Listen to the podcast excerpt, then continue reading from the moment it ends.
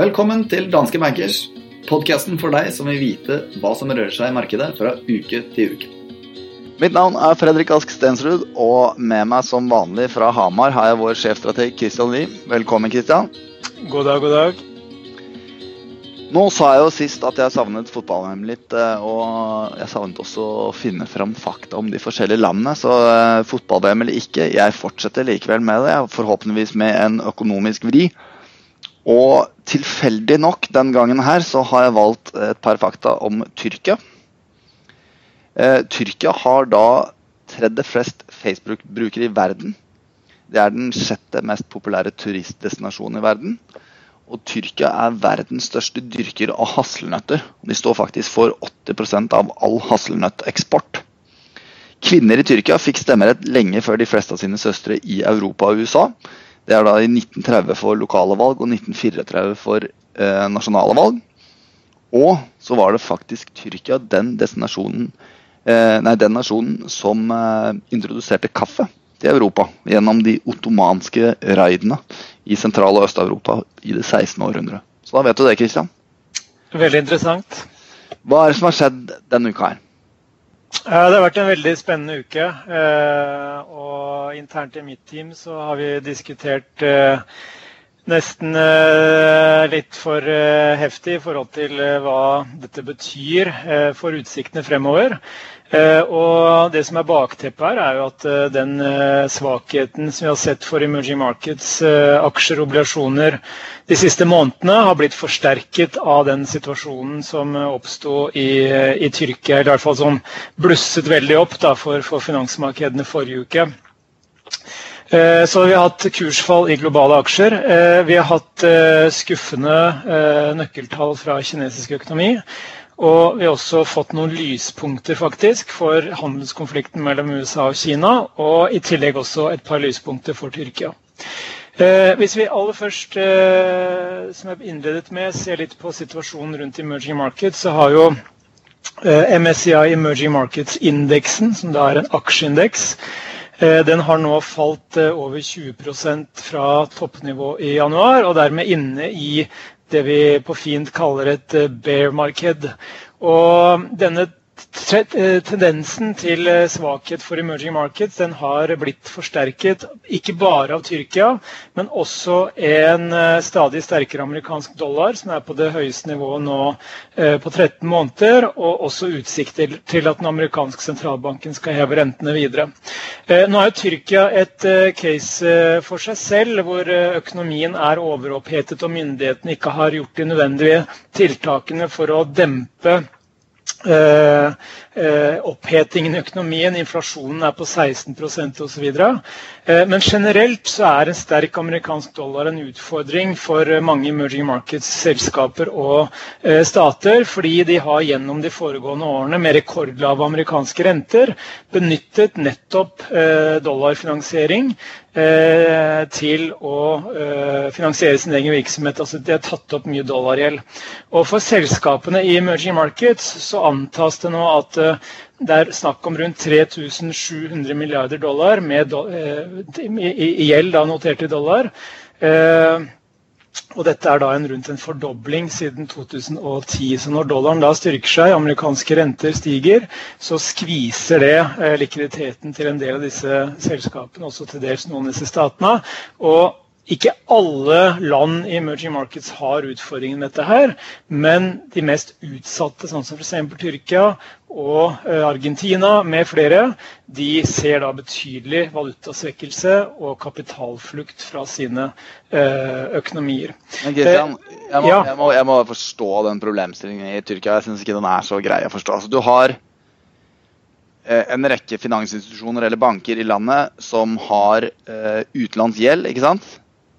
Ja, ikke bare banker, men også selskaper ja, og, utenfor banksektoren. Ja, Og så har du en depresierende valuta, men samtidig et inflasjonspress i landet.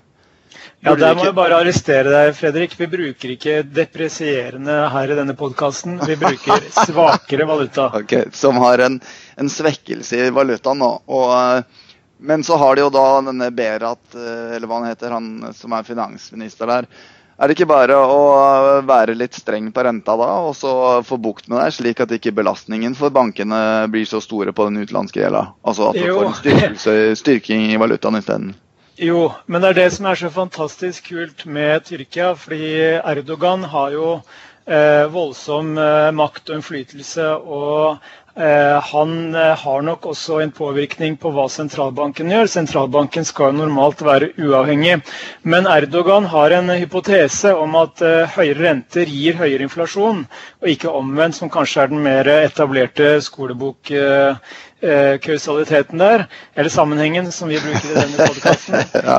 eh, så han har rett og slett eh, latt økonomien eh, fyre seg opp uten å ville heve rentene, fordi han mener det er negativt for, for økonomien. Eh, og dette er jo noe som har bidratt til veldig høy eh, inflasjon. og skepsis fra globale investorer i forhold til hvor den, tyrk, hvor, hvor den tyrkiske økonomien eh, er på vei, og hvordan selskapene skal klare å betjene gjelden sin når valutaen svekkes osv. Har, har du fått eh, eller hørt noe rasjonale bak den hypotesen om at uh, høyere renter også gir høyere inflasjon? Nei. Nei.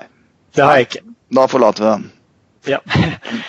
Ja, eh, så, så vi, vi, forventer ikke at dette er starten på noen global eh, krise. Vi vet at eh, mange emerging markets eh, trenger svakere valutakurser rett og slett for å styrke sin konkurransekraft. Mange av disse økonomiene er veldig eksportorienterte. Og når valutaen svekkes, så blir det på en måte en sånn eh, selvbalanserende effekt på eh, eventuell kapitalflukt gjennom at konkurransedyktigheten for eksportselskapene styrkes relativt til f.eks. europeiske og, amerikanske. Så vi, vi, tror at dette vil eh, vil eh, eh, balansere seg litt ut etter hvert. Men mye igjen vil være avhengig av hvor mye mer den amerikanske dollaren skal styrke seg, og hvor mye høyere de amerikanske rentene skal stige. Og at enkelte emerging markets-økonomier vil fortsette å ha problemer, det er det ingen tvil om. Ja, det er litt vanskelig å forlate deg. Nå skal vi jo egentlig rase fort gjennom de viktigste tingene for eh, denne og neste uke, men jeg, jeg klarer ikke helt å slippe det her allikevel. For hvor store beløp kan det være snakk om?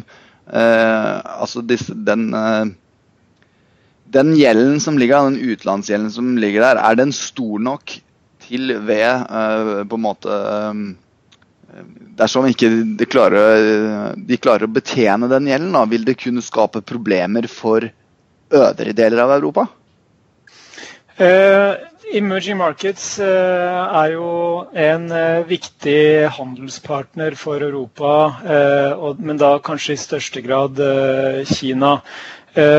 selv om det er snakk om store beløp, så har gjennomgående statsfinansene i mange av disse emerging markets-landene blitt langt sunnere enn det de var uh, bare for en 10-15 uh, år siden.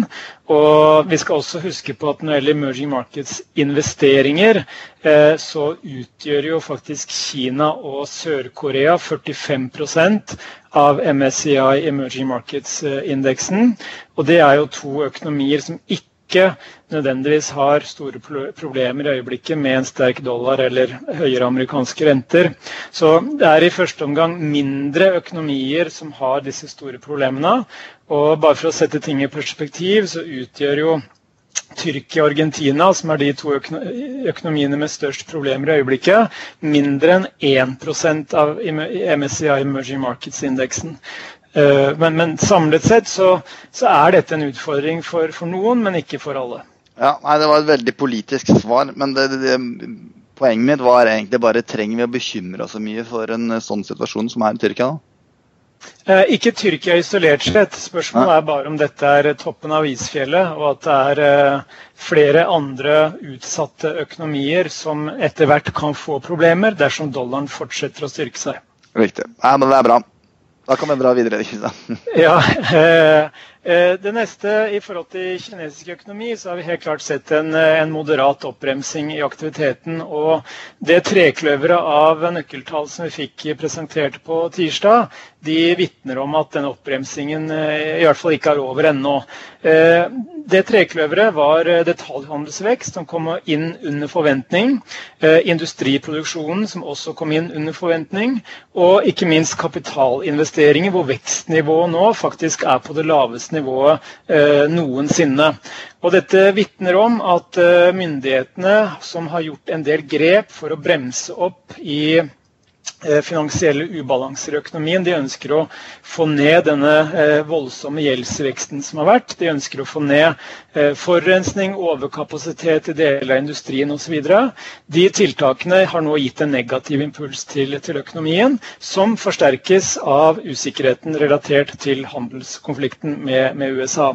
Myndighetene i Kina har jo rimelig bra verktøykasse i forhold til å stimulere økonomien, og det har de nå gjort både gjennom Eh, finanspolitiske og pengepolitiske tiltak. Men det som skiller situasjonen nå fra 2015-2016, hvor Kina eh, virkelig tråkket på gassen i forhold til å stimulere økonomien for å få eh, økonomien ut av en, en, gryende krise i begynnelsen av 2016, det er at nå er myndighetene fortsatt veldig fokusert på å unngå en voldsom kredittvekst. og Derfor så vil omfanget av stimulansene fra kinesiske myndigheter denne gangen ikke være så store at de drar med seg emerging markets oppover, resten av de øvrige emerging markets-økonomiene oppover i en voldsom ny eh, boom, sånn som vi så til dels etter 2016. Eh, så vi tror at kinesisk økonomi isolert sett vil se en eh, en myk landing eller en kontrollert oppbremsing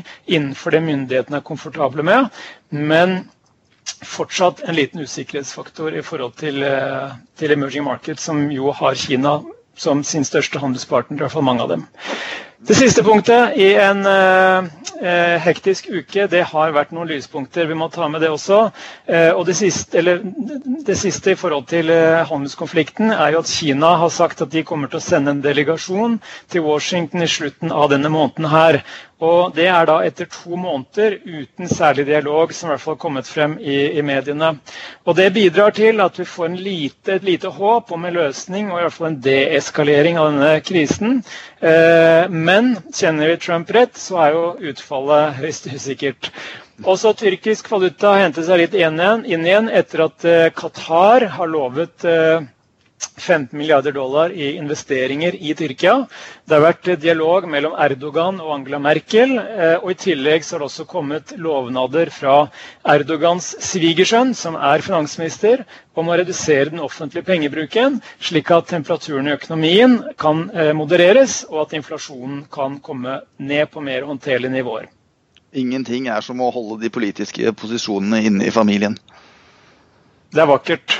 Ja, men jeg kjenner at vi med stor sannsynlighet må lage en egen sending på det her. Eh, Hva er det som skjer neste uke? Eh, ikke noe sånn voldsomt spennende ting eh, på nøkkeltallskalenderen, egentlig. Onsdag så får vi referatet fra de forrige møtet hos den amerikanske sentralbanken. Og det det kanskje er mest spenning knyttet til der, er hvorvidt de vil på en måte eh, erkjenne at det er trøbbel i, eh, i finansmarkedene, relatert spesielt til emerging markets og om de ser eventuelle smitteeffekter overfor amerikansk økonomi, og hvordan de også ser på utsiktene for inflasjon i, i USA. Eh, når det gjelder inflasjon i USA, så er det tegn til at det begynner å boble litt. Og skulle vi få en inflasjonsoverraskelse i USA, og Fed må stramme til mer enn det markedet eh, er, komfortable med, så er det helt klart en av de risikofaktorene vi følger med på. Torsdag klokka ti så får vi en vekstindikator fra eurosonen. Eurosonen har vist en eh, avtagende eh, tendens i forhold til økonomisk vekst gjennom 2018. Men vi har sett tegn til stabilisering nå i det siste. Så denne PMI-en på torsdag kan være med på å bekrefte eller avkrefte det stabiliseringsbildet. Og fredag ordreinngang for såkalte varige goder, eller durable goods, i USA kan gi et tegn på eh, investeringsviljen eh, hos de amerikanske bedriftene. Bare én ting som vi diskuterte forrige gang, så var det da et rentemøte denne uken her. Ja, det var for så vidt en non-event. Eh, det var ingen store nyheter. Utviklingen i norsk økonomi var på linje med det Norges Bank eh, forventet eh, fra, fra juni-møtet. Og deres anslag om en renteheving i september, den ligger fortsatt til grunn. Ja, men det er vel da ganske bankers at den rentehevingen faktisk kommer i september? Ja. Det er vakkert, Christian. Takk skal du ha. Jeg skal eh, oppsummere de viktigste hendelsene for neste uke. Men først så tar jeg litt eh, markedsbevegelser siste fem dager. Da har vi OSBX to, nei, ned 2% Vi har uh, flatt på SMP 500. Eurostox 600 er ned 2,4% og oljeprisen er uendret. Viktigste neste uke er at vi får et Fed-referat klokka åtte på onsdag. Vi får uh, Euro PMI på torsdag klokka ti. Eh, og på fredag klokka halv tre så får vi ordreinngang varige goder i USA.